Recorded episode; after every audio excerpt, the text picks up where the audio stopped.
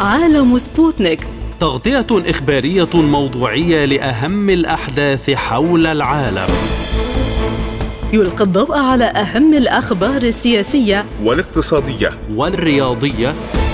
وجولة مع الأخبار الخفيفة من سبوتنيك break في عالم سبوتنيك. أهلا بكم مستمعينا الكرام في حلقة جديدة من عالم سبوتنيك. معكم في هذه الحلقة خالد عبد الجبار ونوران عطلة والبداية مع أبرز العناوين.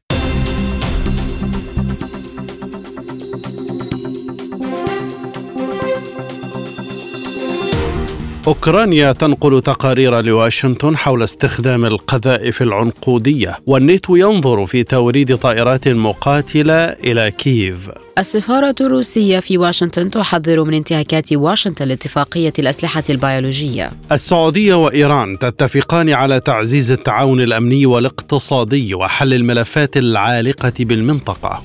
الإمارات تدعو حركة أنصار الله لوقف الهجمات على خطوط التماس وتحث على حوار وطني شامل. النيابة السودانية تصدر لائحة اتهامات بجرائم حرب ضد الدعم السريع والخارجية تطالب بتصنيفها جماعة إرهابية. إلى التفاصيل.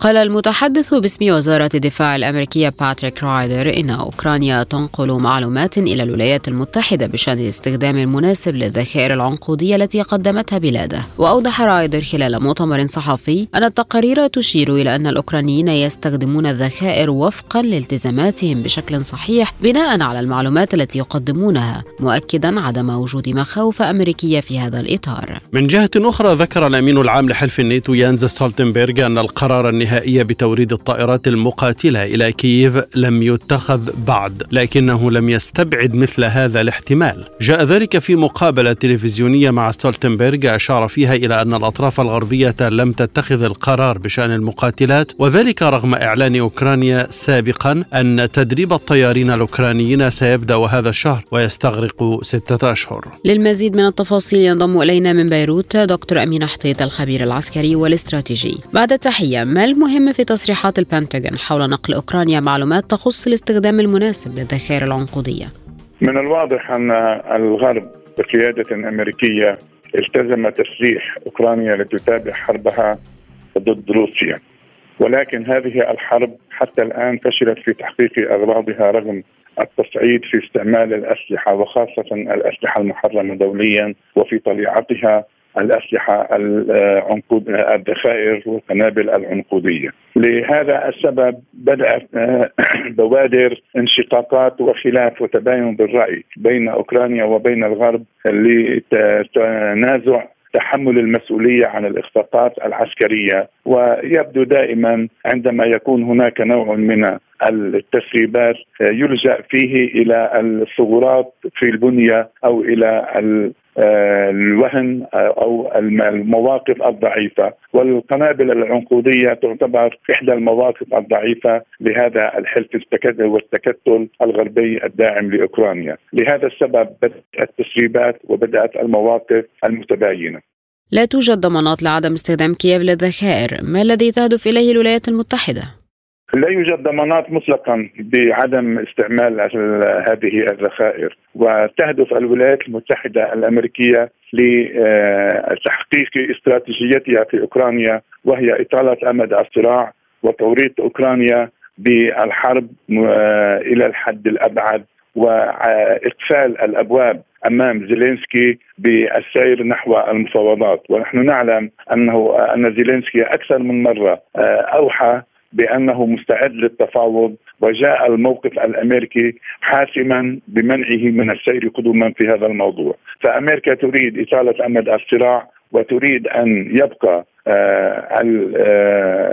زيلينسكي بجيشه وقواته المسلحة في الميدان ولهذا السبب تصعد في التسليح من أجل تمكينه من البقاء. هل يقر حلف الناتو توريد طائرات مقاتلات إلى أوكرانيا؟ أعتقد أن القرار الأمريكي النهائي هو أن يكون في هذا الاتجاه.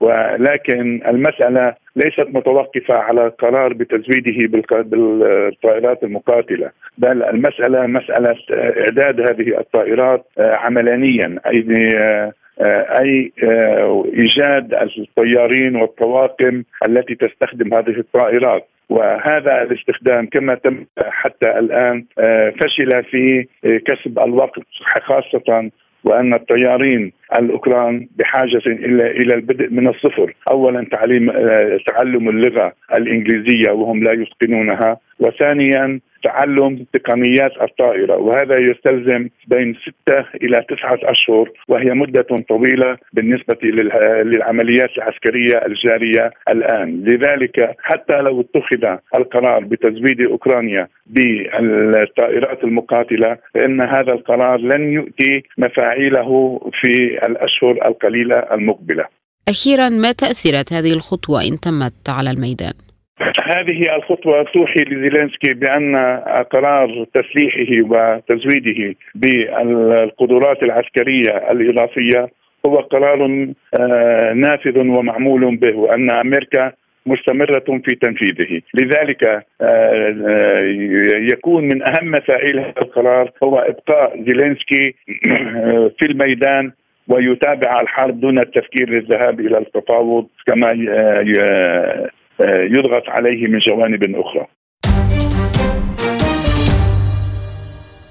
أكدت السفارة الروسية في واشنطن أن الولايات المتحدة تتجاهل مطالب موسكو بشأن انتهاكات أمريكية جسيمة لاتفاقية الأسلحة البيولوجية. وجاء في بيان السفارة أن روسيا حذرت من الانتهاكات الجسيمة من جانب الولايات المتحدة لالتزاماتها بموجب اتفاقية حظر تطوير وإنتاج وتخزين الأسلحة البيولوجية مبينة أن واشنطن تتجاهل هذه المطالب وتبرر لنفسها بأن برنامجها يحمل عنصرا إنسانيا. وأعلن رئيس قوات الحماية الإشعاعية والكيماوية والبيولوجية التابعة للقوات المسلحة الروسية الفريق إيغور كاريلوف أن الولايات المتحدة بدأت الاستعدادات لوباء جديد خلال البحث عن طفرات فيروسية. وذكر أن من بين الأولويات إدارة الاستعداد للأوبئة وسياسات الاستجابة التي استحدثتها وهي تطوير لقاحات وعقاقير لمكافحة الفيروسات ومتغيراتها المعدلة وراثيا فضلا عن إدخال تكنولوجيا متقدمة في الإنتاج الحيوي. من عام عمان ينضم إلينا دكتور جمال الشلبي أستاذ العلوم السياسية بعد تحية لماذا لا تلتزم الولايات المتحدة باتفاقية حظر تطوير وإنتاج وتخزين الأسلحة البيولوجية؟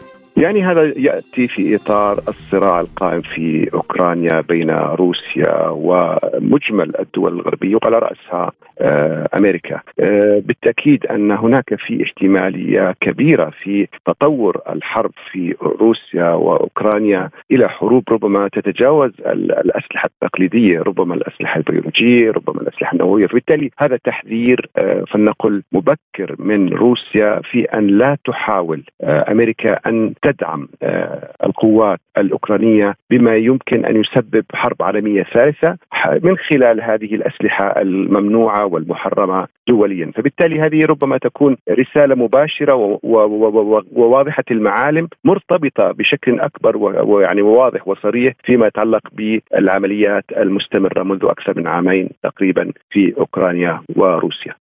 أي مربع تريد واشنطن جر العالم إليه من خلال خطواتها التي تحمل مخاطر جسيمة؟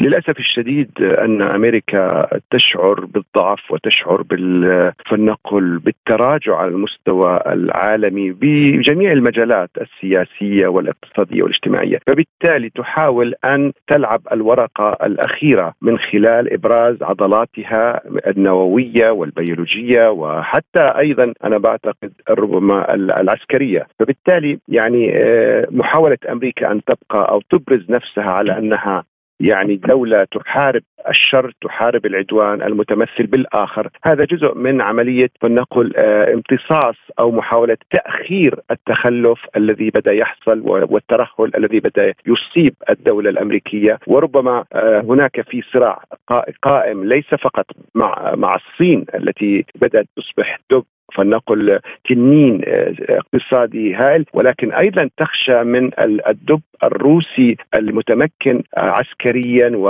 وربما آه، تكنولوجيا وربما عسكريا في المستقبل فأظن إنه في هناك محاولة أمريكية في فلنقل تأخير التراجع وفي تأخير النتائج المترتبة على الضعف الأمريكي في المستقبل القريب والمتوسط.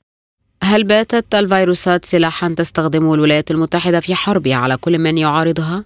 بالتأكيد هناك في إشارات كبيرة وواضحة المعالم وللأسف لا يوجد هناك أدلة واضحة وإن كانت روسيا الاتحادية قالت أكثر من مرة بأن آه، فيروس كورونا كان هو من عمل آه، المخابرات الأمريكية. وبدأنا في أفريقيا وربما هناك في بعض القوات الأمريكية التي شاركت في آه، فلنقل مباريات في دورة في الصين هي التي نشرت هذا الفيروس.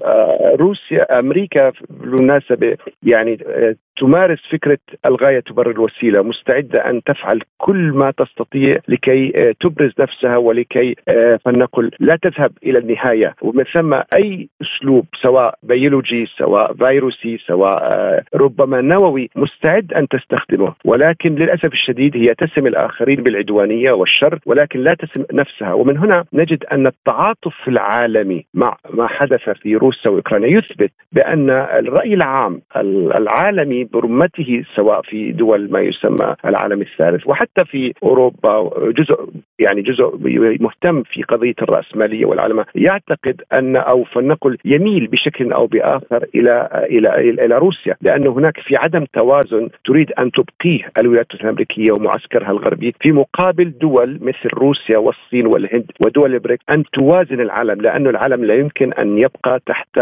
رحمة الولايات الأمريكية وإمكانياتها آه، استراتيجيه نووية فيروسية آه، إلى آخره. فبالتالي أنا أعتقد أنه فعلا يعني آه، الولايات الأمريكية تعيش في لحظاتها الحضارية الأخيرة بسبب استخداماتها المتعدده والمؤثرة على المستوى الدولي. كيف سيكون شكل العالم إذا استمرت حالة الصراع البيولوجي وتطورت؟ والله أنا أعتقد انه العالم يجب أن يذهب إلى إلى التوازن، آه، روسيا تحاول أن تضع آه، قدمها في النظام العالمي الجديد الذي يتشكل ولم يأخذ إلى الآن حجمه. والولايات المتحدة الأمريكية تريد أن تبقي الوضع كما هو. آه، الصين آه، بالتأكيد هذا العملاق الاقتصادي سيكون له دور مهم. آه، دول البريكس ربما توازن يعني تكون بداية تشكل تحالف اقتصادي يتطور لاحقا إلى معسكر دبلوماسي وسياسي إلى أن نصل إلى معسكر عسكري. هذا الأمر سيؤدي إلى توازنات. هذه التوازنات مطلوبة. إن لم نحا... إن لم تفهم أمريكا وحلفائها سواء الأوروبيين أو أو اليابان أو غيرهم إن لم يفهموا أن العالم لا يسير إلا على توازنات، أعتقد إذا دخلنا في موضوع الحرب والحرب لن تكون كما كانت في الحرب العالمية الأولى والثانية، ستكون حرب ثالثة مدمرة تستخدم الذكاء الاصطناعي، تستخدم النووي، تستخدم الفيروسات، وهذا لن يعني لن فقط يضر أولئك الذين يضربون بهذه الأسلحة المحرمة، بل أيضا يؤثر على أولئك ما الذين يطلق عليهم المنتصرون، فبالتالي هذه حرب لا يفي لا يوجد فيها منتصر، بالعكس العالم سيخسر وربما العالم يعود إلى القرون ما يسمى القرن الحجري أو القرن الخشبي أو القرن الترابي. وهذا أعتقد شيء لا أحد يرغبه لا الغرب ولا الشرق. قال وزير الخارجية السعودي الأمير فيصل بن فرحان إن استئناف العلاقات الدبلوماسية مع إيران نقطة مفصلية للأمن في المنطقة. وخلال استقبال وزير الخارجية الإيراني حسين أمير عبد اللهيان في الرياض أكد بن فرحان على تطلع المملكة لتعزيز العلاقات الثنائية مع طهران مضيفا أن الرغبة صادقة وجدية لتعزيز الثقة المتبادلة بين الجانبين. وفي مؤتمر صحفي مشترك نوه وزير الخارجية الإيراني إلى أن طهران والرياض عازمين عازمتان على توسيع التعاون الثنائي مشيدا بالتقدم المحرز في تطبيع العلاقات بينهما. وبين أن طهران والرياض يمكنهما العمل لحل الموضوعات العالقة بالمنطقة بشكل فوري مشيرا إلى أن طهران تدعم تحقيق الأمن والسلام في المنطقة دون تجزئة. كما أعلن عبد اللهيان عن زيارة الرئيس الإيراني إبراهيم رئيسي للسعودية وأنه قبل دعوة العاهل السعودي الملك سلمان بن عبد العزيز لزيارة المملكة مشيرا إلى أنه سيلبيها في الوقت المناسب. من الرياض ينضم إلينا الدكتور طلال الحربي الكاتب والمحلل السياسي السعودي. دكتور طلال كيف تقيمون ما جاء في تصريحات وزيري الخارجية السعودي والإيراني؟ آه، ما في شك إن التصريحات هذه كلها تصريحات آه، إيجابية وتتطابق مع المرحلة اللي نعيشها الآن آه، العلاقات الودية بين البلدين البلدين الذين يعني يحملان الكثير في جعبتهم من العالمين العالمين الإسلامي من السلام والمعرفة والعطاء والتصريحات جاءت متناسقة مع مسؤولات مسؤولين مسؤولين في البلادين السعودية وايران وهي تصريحات تصب في مصلحة المنطقة ومصلحة الأمة العربية والإسلامية جميعا. لكن ما هي أهمية زيارة وزير الخارجية الإيراني للسعودية؟ الزيارة جاءت بعد تنسيق كبير وترتيبات كبيرة وهي آه، تحصيل للمرحلة التي سبقت ذلك وهذه الزيارة تعتبر زيارة مفصلية في علاقات البلدين والانطلاق إن شاء الله نحو مرحلة جديدة من التفاهم والتعاون المشترك لما فيه صالح الشعبين والبلدين والمنطقة كاملة كيف تتصور دكتور طلال الشكل المستقبلي لعلاقة البلدين إذا تم التعاون في الجوانب المختلفة؟ آه، الحكومتين الشعب البلدين تسعيان لمصلحة شعبهما ورفاهيته وما في شك أنه المرحلة القادمة ستحمل الكثير من الإيجابيات للبلدين الشقيقين وشعوبهم وإن شاء الله آه، أهم حاجة هي مصداقية الطرف الإيراني في التعامل مع الطرف السعودي والذي مد يده بكل آه، شفافية لما في المصلحة العامة للشعبين. آه، المرحلة القادمة مرحلة مزدهرة إن شاء الله في العلاقات وسيكون أثرها إيجابي على المنطقة كاملة. لكن هل ستكون زيارة الرئيس الإيراني للسعودية قريبة؟ حسب تصريحات المسؤولين في البلدين الزيارة ستكون مجدولة في الوقت المناسب والذي يأتي تتويجا لهذه المرحلة من المصالحة والتفاهم والتعاون المشترك. ولماذا لم يتم تحديدها؟ تعرف هناك أمور كثيرة لوجستية وهناك ارتباطات للقادة في البلدين يجب أن يتم ترتيب هذا الموضوع لكن هي ما دام أعلن عنها فزيارة بإذن الله آه، ستكون في الوقت المناسب للبلدين وللمسؤولين في البلدين الشكل. دكتور طلال ماذا عن ملفات المنطقة التي تمثل أهمية كبرى للاستقرار الإقليمي مثل سوريا واليمن ولبنان وغيرها؟ هناك اتفاق واضح على الوصول والتعاون لحل هذه المشاكل التي موجودة في المنطقة الجانب السعودي من فترة طويلة وهو يقدم كل مساعدة لإنهاء هذه المشاكل في المنطقة. رفاهيه شعوب المنطقة هي رفاهية للشعبين للمنطقة الجانب الإيراني الآن ابدا استعداده وتعاونه وإن شاء الله تكون الإثار إيجابية لحل هذه المشاكل والانطلاق نحو مرحلة رفاهية للشعبين. وحول هذا الملف ينضم إلينا من القاهرة دكتور محمد محسن أبو النور رئيس المركز العربي لتحليل السياسات الإيرانية. دكتور محمد كيف تقيمون أنتم ما جاء في تصريحات وزيري الخارجية السعودي والإيراني؟ آه، بالتأكيد طبعا آه، هذه التصريحات تعني في المقام الأول آه، أن هناك انفتاحا سعوديا وايرانيا على حل كل المشاكل العالقة بين الدولتين.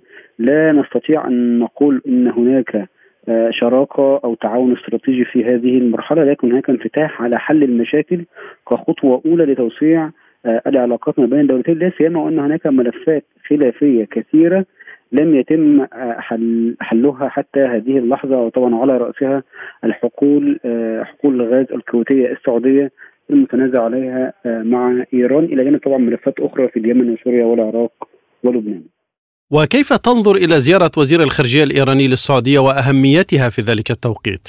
آه الأهمية طبعا آه تعني أن السعودية آه اتخذت قرارا بالتصعيد مع إيران في آه ملفات الغاز وما إلى ذلك. ثم رأت إيران أن تخفض هذا التصعيد من خلال الذهاب المباشر إلى الرياض والتباحث مع المسؤولين آه، السعوديين. رأينا على سبيل المثال قبل قليل كان هناك استقبال من ولي العهد السعودي لوزير الخارجية آه، الإيراني حسين أمين عبد اللهيان وهو ما يعني أن إيران تريد أن تخفض التصعيد مع السعودية وترجئ كل الأمور الخلافية إلى المسائل القانونية وليس إلى المسائل آه، السياسية وهو ما يعكس آه، رغبة إيرانية وسعودية أيضا على حل هذه الخلافات بالطرق الدبلوماسية والقانونية وعدم القهقرة إلى الخلف آه، ويعني عدم العودة إلى فترة التصعيد ما بين الجانبين دكتور محمد كيف تتصور الشكل المستقبلي لعلاقة البلدين في المرحلة المقبلة إذا تم التعاون في الجانب المختلفة؟ طبعا أتصور أن التعاون سوف يأخذ شكلا تصاعديا والطرفين سوف أو الطرفان سوف يعني يختبران نوايا الطرف الآخر من خلال ليس فقط الأحاديث آه، الدبلوماسية واللقاءات والزيارات ولكن من خلال الإجراءات التي تمارس على الأرض. آه، لا سيما أن آه، وزير خارجية إيران مثلا قال ماذا؟ قال إن إيران تدعو إلى أو تدعم استضافة السعودية لاكسبوع على سبيل المثال تدعم مشاريع السعودية فيما يتعلق بالتطوير والتنمية في نيوم وما إلى ذلك فكل هذا يعني أن المستقبل حافل بالتعاون لكن الطرفان الآن في مرحلة اختبار الإجراءات التي تجري على الأرض آه، وليس الأحاديث الدبلوماسية في المؤتمرات وما إلى ذلك. معروف أن هناك ملفات في المنطقة تمثل آه، منطقه اشتباك بين البلدين مثل سوريا واليمن ولبنان، كيف تتصور تسوية هذه الملفات؟ هو بالتأكيد طبعا الحل لن لن يأتي إلا من خلال آه، الدبلوماسية ومن خلال يعني بحث هذه المشاكل الفنية ليس عن طريق الإعلام ولكن عن طريق اللقاءات المباشرة. والتجربة أثبتت أن كل تصعيد آه، إعلامي أو تصعيد آه، سياسي بين الجانبين لا يخدم مصالح الجانب الآخر. لا سيما أن هناك نهج سعودي الآن ونهج إيراني أيضا للتوجه إلى الشرق. رأينا انضمام إيران إلى منظمة شنغهاي للتعاون والسعودية تسعى إلى الانضمام إلى شنغهاي وإلى بريكس. آه، بريكس الآن أيضا تسعى يعني أو تبحث ضم إيران ودول أخرى في الإقليم لسحب البساط نوعا ما من تحت أقدام اللاعب الأمريكي الذي ظل مسيطرا على مفاتيح الأمن والسلم في الإقليم لسنوات طويلة جدا منذ الانسحاب البريطاني من آه، الخليج العربي سنة 69 وهو ما يعني أن المستقبل حافل بالتعاون لكن إذا كانت إيران جادة بالفعل عن طريق الإجراءات والسياسات لخفض تصعيد والتعاون مع المملكة العربية السعودية وخفض تصعيد أيضا في الملفات السائلة الأخرى في سوريا والعراق عن طريق إجراءات وليس عن طريق تصريحات سياسية هذا ما سوف نختبره ونعرفه في الأسابيع المقبلة. دكتور محمد الداعم الصيني لعودة العلاقات بين البلدين هل ما زال قائما أم أن العلاقة بين طهران والرياض الآن تدفع نفسها بنفسها؟ هو طبعا الجانب الصيني سوف يكون آه، وسيطا نزيها في تحسين كل القنوات السياسية والدبلوماسية ما بين إيران والسعودية وسوف يكون شاهدا وموجودا لحل أي خلاف يطرأ بين الجانبين. والخلاف الآن الذي أراه واضحا أمامي هو الخلاف حول حقل الذره الكويتي السعودي المتنازع عليه مع إيران لو تم حل هذا الأمر بالطرق القانونية والسياسية. آه، بين الدولتين بشراكة صينية أو برعاية صينية آه، فإن ذلك سوف يعني أن الصين سوف تلعب ادوارا كبرى أخرى ما بين إيران ودول أخرى في الإقليم آه، لعوده العلاقات بشكل كبير ومتسارع. هنا أعني بالتحديد مصر وأعني أيضا بالتحديد العلاقات التركية الإيرانية أيضا التي تعاني من مشاكل الآن رغم يعني الأحاديث الإعلامية الجيدة لكن طبعا هناك مشاكل تحت السطح ما بين الجانبين الصين سوف تدخل إلى الأقليم بقوة إن ساعدتها إيران على لعب مثل هذا الدور من خلال خفض تصعيد مع الدول الكبرى في الأقليم وهي مصر والسعودية وتركيا.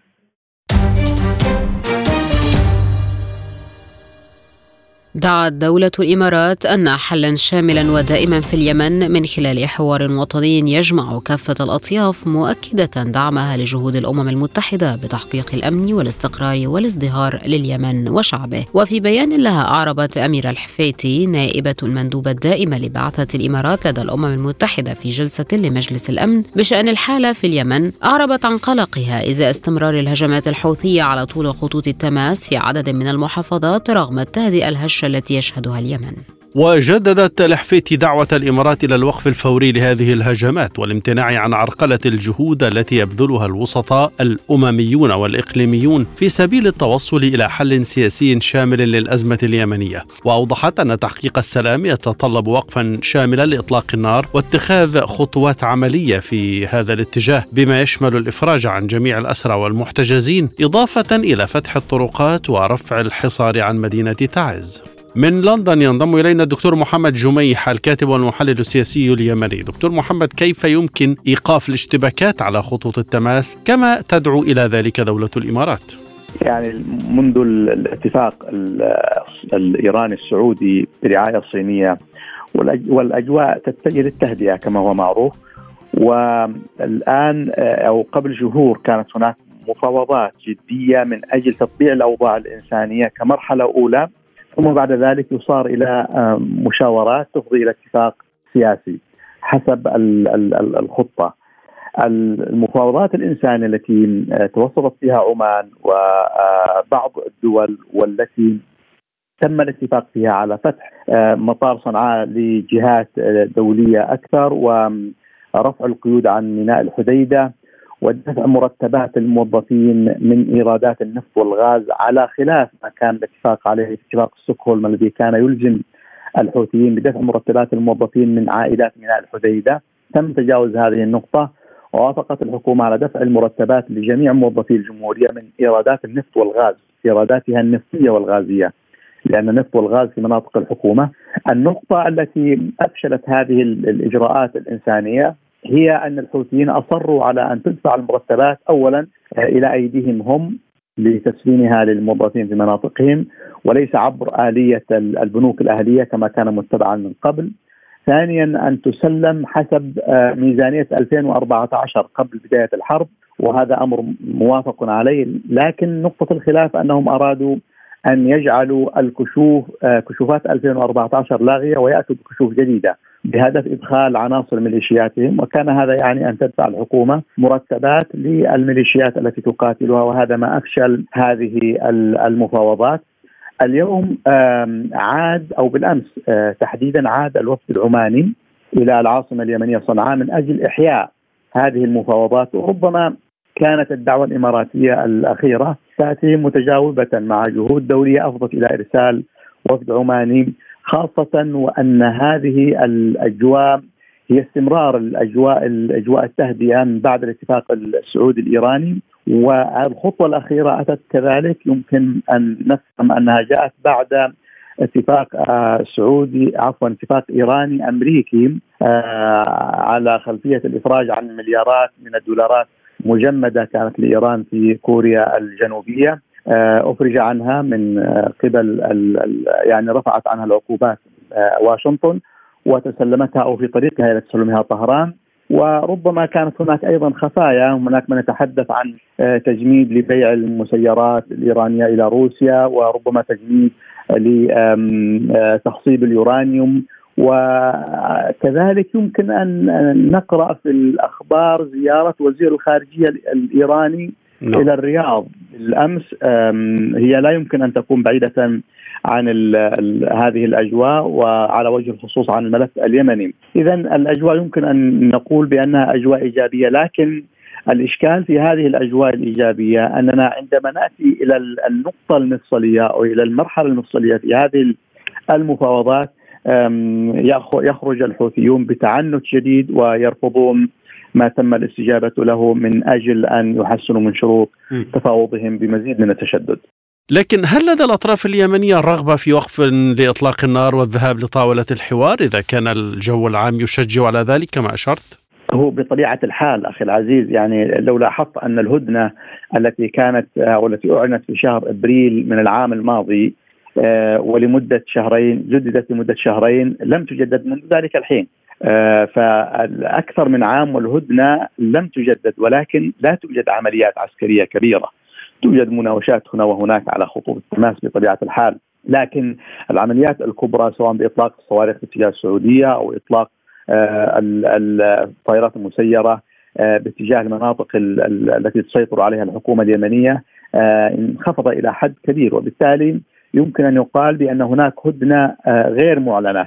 وربما يعود ذلك إلى التوافق السعودي الإيراني آه، في هذا الخصوص. لكن الإشكال ليس هنا. الإشكال مع وجود رغبة في وقف المعارك إلا أن هذه الرغبة يمكن أن لا تفضي إلى سلام آه، لماذا؟ لأنها يمكن أن تهيئ جوا من الانقسام بمعنى أن تظل كل آه، مجموعة أو أن يظل كل طرف محتفظا بما لديه من آه، أرض وموارد ومصادر وهذه تعد وصفة حقيقية للتقسيم وهنا مع الزمن يمكن إذا لم تذهب الأطراف إلى حوار سياسي يفضي إلى حل سياسي شامل وتشكيل حكومة جديدة يمكن أن يؤدي التقسيم الحالي باستمرار باستمراره إلى فرصة للتزود بالمؤن وإعادة رص الصفوف وبالتالي اندلاع المواجهات مرة أخرى. وما هي الأسس التي سينطلق منها الحوار بين الأطراف اليمنية؟ هو الخطوط العريضة للحل معروفة. يعني الخطوط العريضة التي كان التي حدثتك عنها في البداية كان هناك مرحلتان، المرحلة الأولى هي تطبيع الأوضاع الإنسانية من أجل التمهيد لبناء الثقة ومن ثم إطلاق مشاورات الحل السياسي، هناك مرحلتان، مرحلة الحل الإنساني أو تطبيع الأوضاع الإنسانية آه، حسب هذه الخطة، ثم بعد ذلك يبنى على ذلك بالانطلاق إلى مفاوضات سياسية وهذه هي المرحلة الأخرى. آه، طبعا معالم المرحلة الانتقالية التي يفترض أن تفضي إليها آه، المفاوضات السياسية هي أن تشكل حكومة تشارك فيها جميع الأطراف. وهذه الحكومة تستمر من فترة من سنة إلى سنتين. تشرف على إعادة ترتيب الأوضاع الداخلية، تطبيع الأوضاع، رفع النقاط، التفتيش والنقاط العسكرية بين الأطراف المختلفة. يفترض أن آه، تشرف وهذا هو الأهم على آه، الدستور الجديد الذي آه، طبعا كان نتيجة الحوار الوطني السابق. وكذلك تشرف على انتخابات أو هكذا يفترض أن تشرف على الانتخابات القادمة التي بموجبها تتجاوز البلاد المرحلة الانتقالية. طالبت وزارة الخارجية السودانية المجتمع الدولي بإدانة قوات الدعم السريع واعتبارها منظمة إرهابية وتحميلها المسؤولية القانونية والأخلاقية أمام آليات العدالة الوطنية والدولية. ورحبت الخارجية السودانية بما جاء في بيان أممي عن استخدام وحشي وواسع النطاق للاغتصاب وغيره من أشكال العنف الجنسي من قبل قوات الدعم السريع في النزاع المسلح في البلاد. مفوضية الأمم المتحدة لحقوق الإنسان قالت في بيان إن التقارير تفيد بأن النساء والفتيات قد تعرضن للاختفاء القسري وأعمال ترقى إلى الحد الذي أجبروا فيه على السخرة والاستغلال الجنسي. من جانبها أصدرت النيابة العامة السودانية لائحة اتهام بحق 46 شخصا قالت إنهم ارتكبوا جرائم حرب ضد السودانيين. من بينهم قائد قوات الدعم السريع محمد حمدان داغلو وثلاثة من أشقائه. للمزيد من التفاصيل ينضم إلينا من الخرطوم دكتور عصام دكين المحلل السياسي. بعد التحية دكتور هل يملك المجتمع الدولي قرارا لتصنيف الدعم السريع منظمة إرهابية؟ وبالتاكيد ما حدث في السودان هو جرائم حرب جرائم ضد الإنسانية ارتكبتها قوات الدعم السريع المتمردة على الجيش السوداني. وبالتالي الجرائم التي ارتكبتها القوات الدعم السريع والشواهد والأدلة التي تم جمعها عبر النيابة العامة السودانية هي تؤكد أن الجرائم حقيقية بنسبة 100% كذلك اللقاءات التي جرت مع الذين تم انتهاك حقوقهم من القتل وال الاغتصاب والسرقات والنهب كلها جرائم تؤكد أن قوات الدعم السريع تستحق أن توصف أنها قوات إرهابية وبالتالي يجب محاكمتها دوليا اولا. وأيضا النيابة السودانية أصدرت أوامر قبض على آه، مجموعة كبيرة جدا من قيادات قوات الدعم السريع وعليهم أن يسلموا أنفسهم أو يتم القبض عليهم لعرضهم على القضاء السوداني ليتم التحري واكمال التحري وإصدار الحكم القضاء السوداني. آه، رأيه في أول حكمه في شأن هذه الميليشيا المتمردة التي قتلت ونهبت واغتصبت الشعب السوداني في الخرطوم، وبالتالي على المجتمع الدولي أن يبني حيثياته أو يقوم بعملية تحقيق آه، قضائي ونيابي حول الجرائم الفظيعة التي ارتكبتها قوات الدعم السريع. هل يقتنع المجتمع الدولي بالحيثيات التي يقدمها الجيش ضد قوات الدعم السريع؟ وبالتأكيد لابد أن تأتي لجان التحقيق من المجتمع الدولي. هذه هي مهمه ليقفوا على الاتهامات التي قامت بها حكومة السودان. وبالتالي لابد أن يحدث تحقيق من المجتمع الدولي تكوين لجنة دولية للتحقيق في جرائم الحرب والجرائم الإنسانية التي ارتكبتها قوات الدعم السريع. ومن ثم ننتظر قراره. وسبق أن أصدر المجتمع الدولي قرارات في منظمات عسكرية كثيرة في العالم آه، وصفها بالإرهاب. أو حتى من قبل أن هنالك كان آه، قرار محكمة الضحايا الدولية التي تم التوجيه إلى عدد من قادة رموز النظام السابق آه، متهمون ومن ضمنهم حميدتي نفسه أن يمثلوا أمام القضاء القضاء الدولي.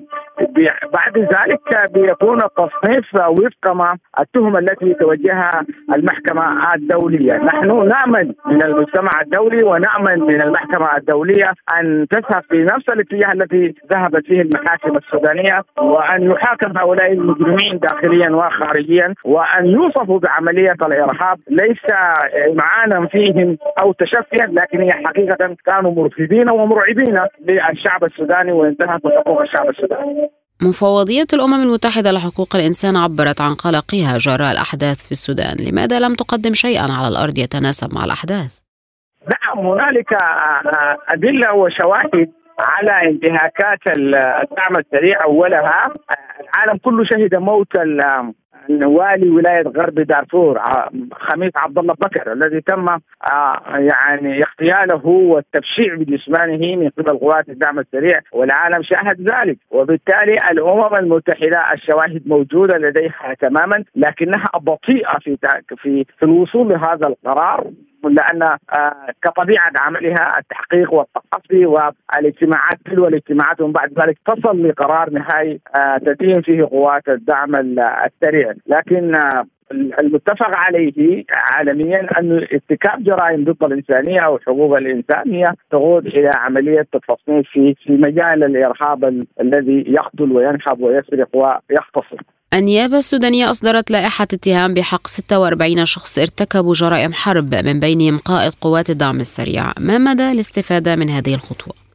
وبالتأكيد ده التحقيق الذي ينتج من هؤلاء هو الاتهام ب 46 قائد من قوات الدعم السريع وعلى رأسهم القائد العام للدعم السريع وقائد ثاني وقائد ثالث ورابع وكل هذه المجموعة جاء بعد تحقيق من النيابة السودانية ومن القضاء السوداني وبالتالي الاتهام ليس عبثا إنما هو بأدلة محققة ومؤكدة وبالتالي على العالم والأمم المتحدة المحكمة الدولية أن تستفيد من هذا التحقيق وتجري على هذا التحقيق تحقيقا لتتأكد منه ومن ثم تصدر أحكامها نحو قوات الدعم الإسلامي. عالم سبوتنيك مستمر معكم. وهذه جولة من الأخبار حول العالم.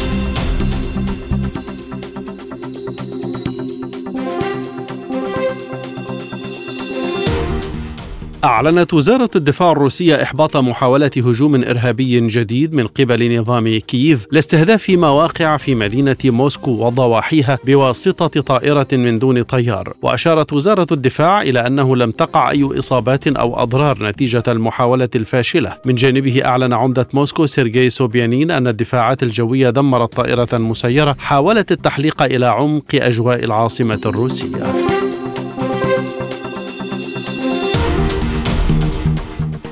استهدفت القوات الأوكرانية جمهورية دونتسك ب 24 قذيفة عنقودية من عيار 155 و 152 ملي وأفاد المكتب التمثيلي لجمهورية دونتسك الشعبية في المركز المشترك لمراقبة وتنسيق القضايا المتعلقة بجرائم الحرب الأوكرانية بأن القوات الأوكرانية قصفت مناطق في دونتسك وقريتي زايتسوفو وغولموفسكي. أعلن وزير الخارجية الدنماركي لارس لوكه راسموسن أن كوبنهاجن تلقت إذنا من واشنطن بنقل طائرات اف 16 إلى كييف. وقال راسموسن إن نتيجة التواصل مع واشنطن تلقت بلاده رسالة ودية من وزير الخارجية الأمريكي أنتوني بلينكن تعطي خيارات معينة للعمل مما يعني أنه لا يوجد حاجز أمام إرسال اف 16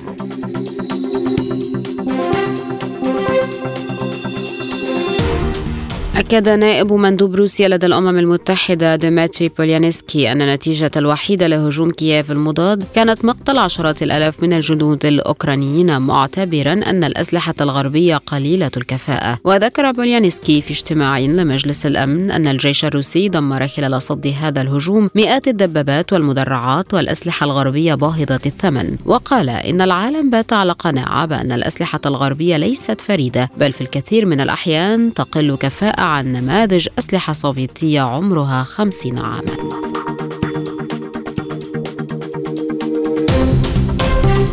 تجري سفن بحرية روسية وصينية تدريبات على التزود بالوقود ونقل البضائع أثناء التنقل خلال مهام دورية بحرية مشتركة في المحيط الهادئ. وتضم القوة المشتركة سفن الروسية الحربية ومدمرتين صينيتين وسفن مراقبة وسفينة تزود متعددة الاستخدامات. وتهدف مهمة الدورية المشتركة إلى تعزيز التعاون العسكري بين روسيا والصين والإسهام في الحفاظ على السلام والاستقرار في منطقة آسيا والمحيط الهادئ. بالإضافة إلى رصد الممرات المائية وحماية أنشطة الاقتصاد البحري.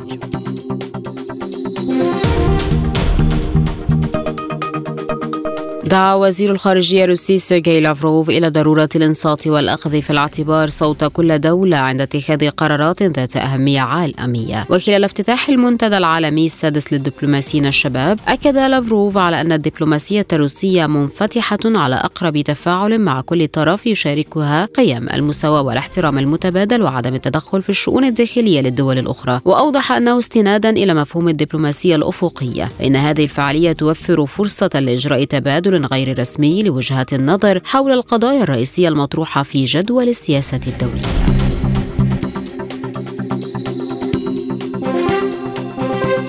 اعتبرت دولة الكويت زيارة وزير الخارجية الإيراني حسين أمير عبد اللهيان إلى السعودية انعكاسا لحرص البلدين على عودة العلاقات إلى طبيعتها وتمسكهما بالمحافظة على أمن واستقرار المنطقة. وأعرب وزير الخارجية الشيخ سالم عبد الله الجابر الصباح عن أمله في أن تكون الزيارة خطوة في بناء علاقات قوية بين البلدين مرحبا بنتائج الزيارة ومتمنيا أن تكون بداية لصفحة مشرقة في العلاقات الخليجية الإيرانية.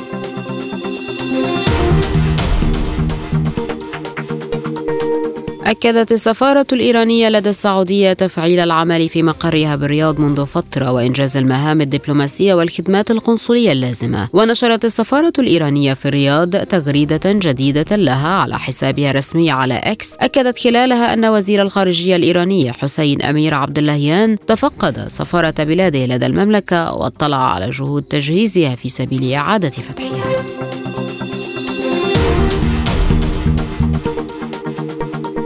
قدم وزير المالية الإسرائيلي بتسلئيل سموتريتش اقتراحا يقضي بتحويل مئات الملايين من الشواكل لتعزيز المستوطنات في مناطق وبلدات الضفة الغربية. وأفادت القناة الإسرائيلية السابعة بأن اقتراح سموتريتش يقضي بجعل الحياة في المستوطنات أكثر جاذبية. أهمها إخلاء معسكرات الجيش الإسرائيلي لصالح بناء وحدات استيطانية جديدة فضلا عن التوسع الديمغرافي في كل من غور الأردن وجنوب جبل الخليل. midnight.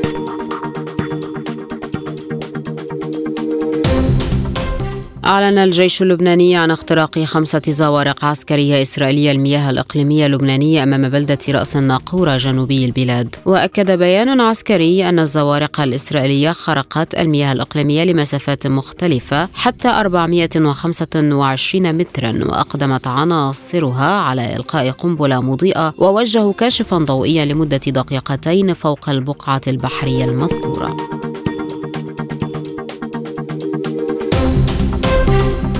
طالب الرئيس التونسي قيس سعيد الحكومة بعدم السماح بتكرار الأزمة المفتعلة في الخبز لافتا إلى أن البعض يرتب لاختلاق أزمات أخرى في مواد أساسية. جاء ذلك في جلسة عمل مع رئيس الحكومة ووزير الداخلية ووزيرة المالية ووزير الشؤون الاجتماعية. وخلال الاجتماع أكد سعيد أن الدولة ستحارب كل المحتكرين والمضاربين وستعمل على تطهير الإدارة من كل من اندس داخلها وصار يمثل عقبة لا يمكن قبول استمرارها. بقضاء حاجات المواطنين.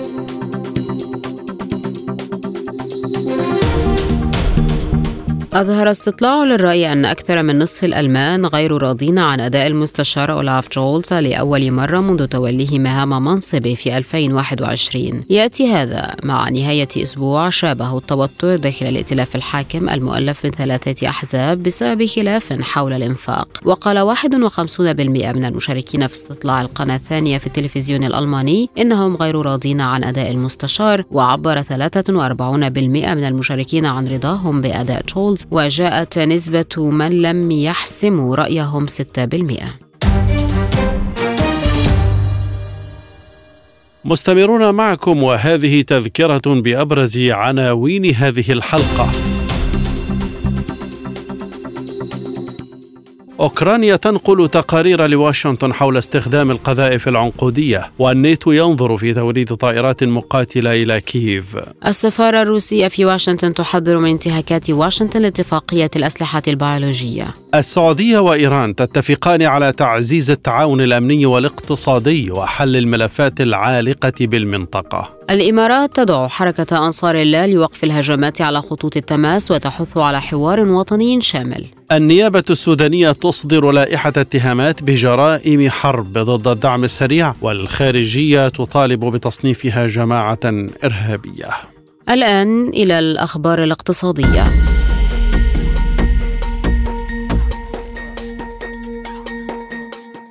انخفضت أسعار النفط تحت 84 دولارا للبرميل بسبب المخاوف الاقتصادية من تراجع الطلب على النفط. وتتجه أسعار الخام نحو تسجيل أول خسارة أسبوعية منذ يونيو الماضي في ظل مخاوف حول الاقتصاد الصيني واحتمال رفع مجلس الاحتياطي الفيدرالي الأمريكي سعر الفائدة. وتراجعت العقود الآجلة للخام الأمريكي غرب تكساس الوسيط بنسبة فاصل 10% إلى 80 دولارا و20 سنتا للبرميل. فيما انخفضت العقود الآجلة للخام العالمي العالمي مزيج برنت بنسبة فاصل 17% إلى 83 دولارا و98 سنتا للبرميل.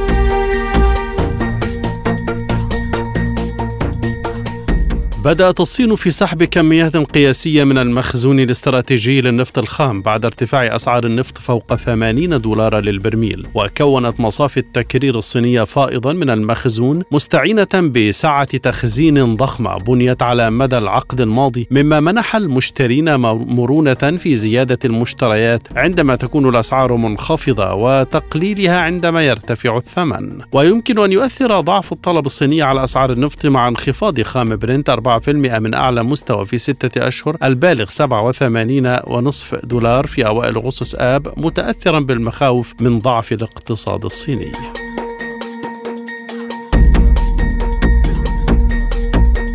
أعلنت المتحدثة باسم وزارة الخارجية الصينية هوا تشونينغ أن الرئيس الصيني شي جين بينغ سيقوم بزيارة رسمية إلى جنوب أفريقيا لحضور قمة بريكس في جوهانسبرغ. وأوضح تشونينغ في بيان أنه بناء على دعوة من رئيس جنوب إفريقيا سيريل رامافوزا سيقوم الرئيس الصيني بزيارة رسمية إلى جنوب إفريقيا في الفترة من الحادي والعشرين وحتى الرابع والعشرين من أغسطس وسيحضر قمة بريكس الخامسة عشر. ويحضر قمة مجموعة بريكس المقبلة بين يومي الثاني والعشرين والرابع والعشرين من أغسطس الجاري في جوهانسبرغ قادة الصين والهند والبرازيل وجنوب إفريقيا فيما يمثل روسيا الاتحادية وزير الخارجية سيرجي لافروف.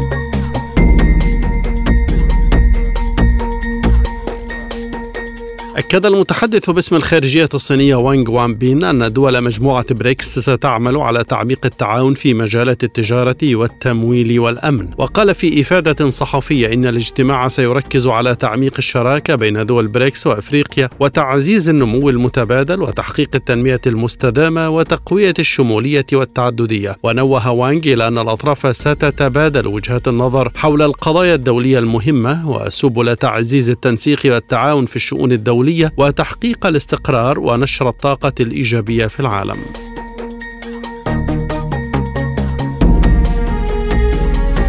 قال وزير الطاقة الأردني صالح الخرابشة إن المرحلة الأولى من مشروع الربط الكهربائي مع العراق ستبدأ خلال الشهر الجاري لافتا إلى أن المباحثات بين البلدين تسعى للوصول إلى الربط التكاملي. وأضاف أن مشروع الربط الكهربائي مع العراق يجرى تنفيذه على مرحلتين الأولى تبدأ بخط الربط بين منطقتي الريشة والرطبة ويعتمد على جهد متوسط ومن المتوقع أن يكون جاهزا قبل نهاية أغسطس آب الجاري. والمرحلة الثانية بخط الربط بين منطقتي الريشة مع القائم بقدرة 400 كيلو فولت ومن المفترض أن ينتهي الخط خلال الشهر الجاري.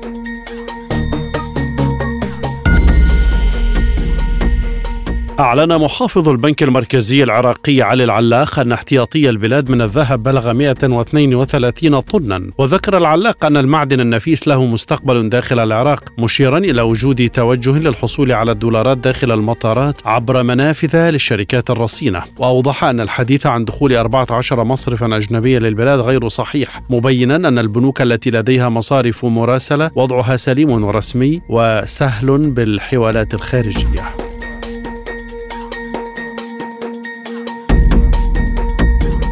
ارتفعت أصول مصرف البحرين المركزي بالعملات الأجنبية بنحو 800 مليون دولار في يونيو مقارنة بشهر مايو لتتعافى بدرجة كبيرة من أدنى مستوياتها خلال جائحة كوفيد-19 بحسب ما أعلنه بنك اتش اس بي سي وتعني الزيادة أن الاحتياطات ارتفعت 50% في غضون عام إلى أعلى مستوى لها منذ الربع الأخير من عام 2015 وتواصل التعافي من أدنى مستوياتها خلال فترة الجائحة عندما انخفضت إلى 770 مليون دولار فقط.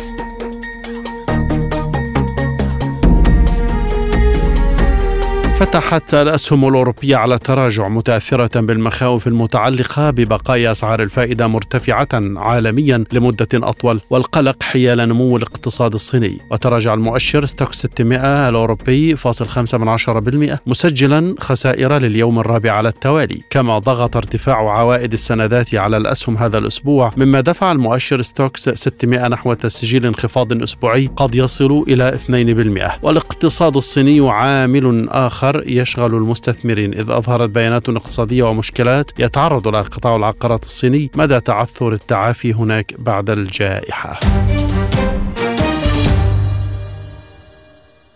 الآن مستمعين إليكم مجموعة من الأخبار الرياضية.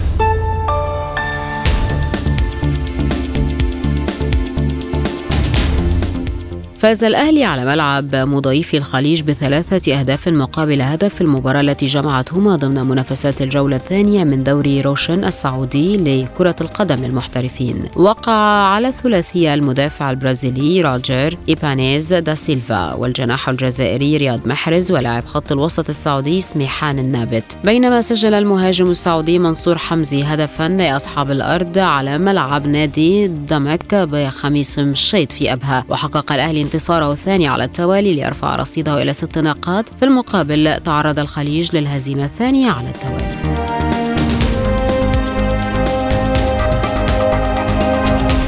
استهل الريان مشواره في الدور القطري بهدف دون رد على نظيره المرخية في المباراة التي أقيمت على استاد الجنوب. سجل هدف المباراة الوحيد اللاعب البرازيلي روجر جيديس في الدقيقة الثلاثين ودخل الريان المباراة بكامل نجومه الذين تعاقد معهم في سوق الانتقالات الصيفية الحالية ورغم ذلك واجه صعوبات كبيرة من جانب المرخية. وحاول المرخية العودة بالنتيجة بعد تقدم الريان لكن فشل الأمر لتنتهي المباراة بفوز الريان.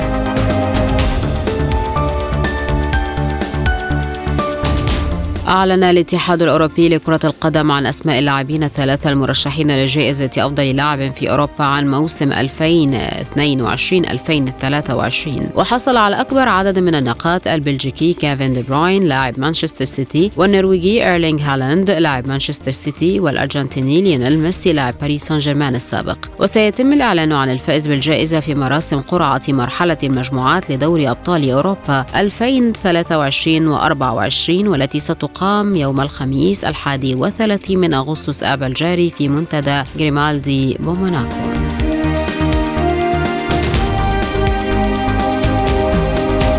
تعرض لاعب التنس الفرنسي أليكسيس موسياليك لعقوبة الإيقاف مدى الحياة عن ملاعب الكرة الصفراء بسبب التلاعب بنتائج المباريات. وأشار الموقع الرسمي للهيئة المستقلة لمكافحة الظواهر السلبية في التنس إلى تورط أليكسيس موسياليك البالغ من العمر 35 عاما في 39 انتهاكا لبرنامج مكافحة الفساد في التنس. ويحظر على موسياليك ممارسة التنس أو حضور المسابقات كما يحظر على اللاعب الفرنسي الفرنسي التدريب أيضا.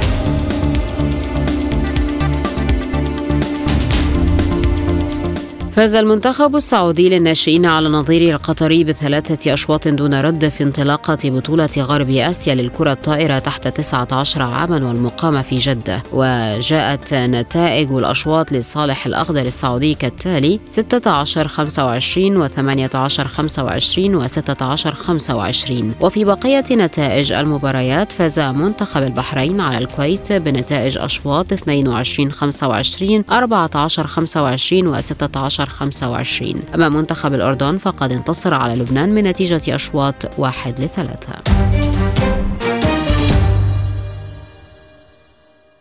عالم سبوتنيك مستمر معكم وهذه وقفة مع الأخبار الخفيفة والمنوعة وسبوتنيك بريك.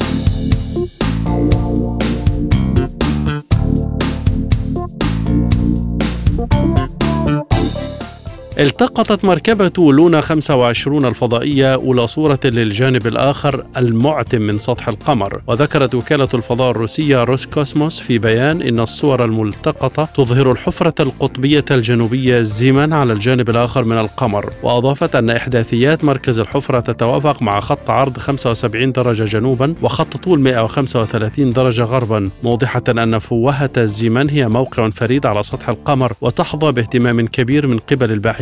حيث يصل ارتفاع الفتحة المحيطة بها إلى ثمانية كيلومترات فوق سطح القاع.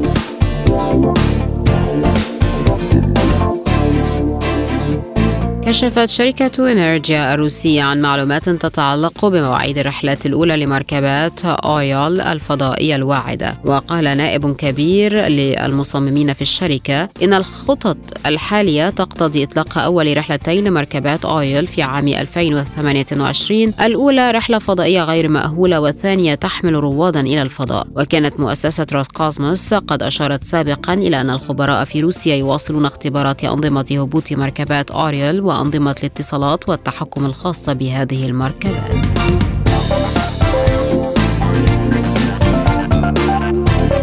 أعلن فريق علمي أن كلية خنزير زرعت في جسد إنسان بحالة موت دماغي تواصل العمل بعد 32 يوما من زرعها في أطول مدة تسجل بهذا النوع من العمليات دون أن يرفض الجسم البشري العضو الأجنبي. وجرت عملية الزرع في مركز لانغون الطبي التابع لجامعة نيويورك في الرابع عشر من يوليو لرجل يبلغ 57 عاما في حالة موت دماغي. وكان الرجل قد وضع على جهاز التنفس الاصطناعي بعد أن تبرع بجسد جسده للعلم. وأزيلت كليتا الرجل خلال عملية جراحية واستبدل بهما كلية خنزير معدلة جينيا لكي لا يرفضها جسده على الفور. وتمثل الأيام الاثنان والثلاثون أطول مدة تعمل فيها كلية خنزير معدلة جينيا في جسد إنسان.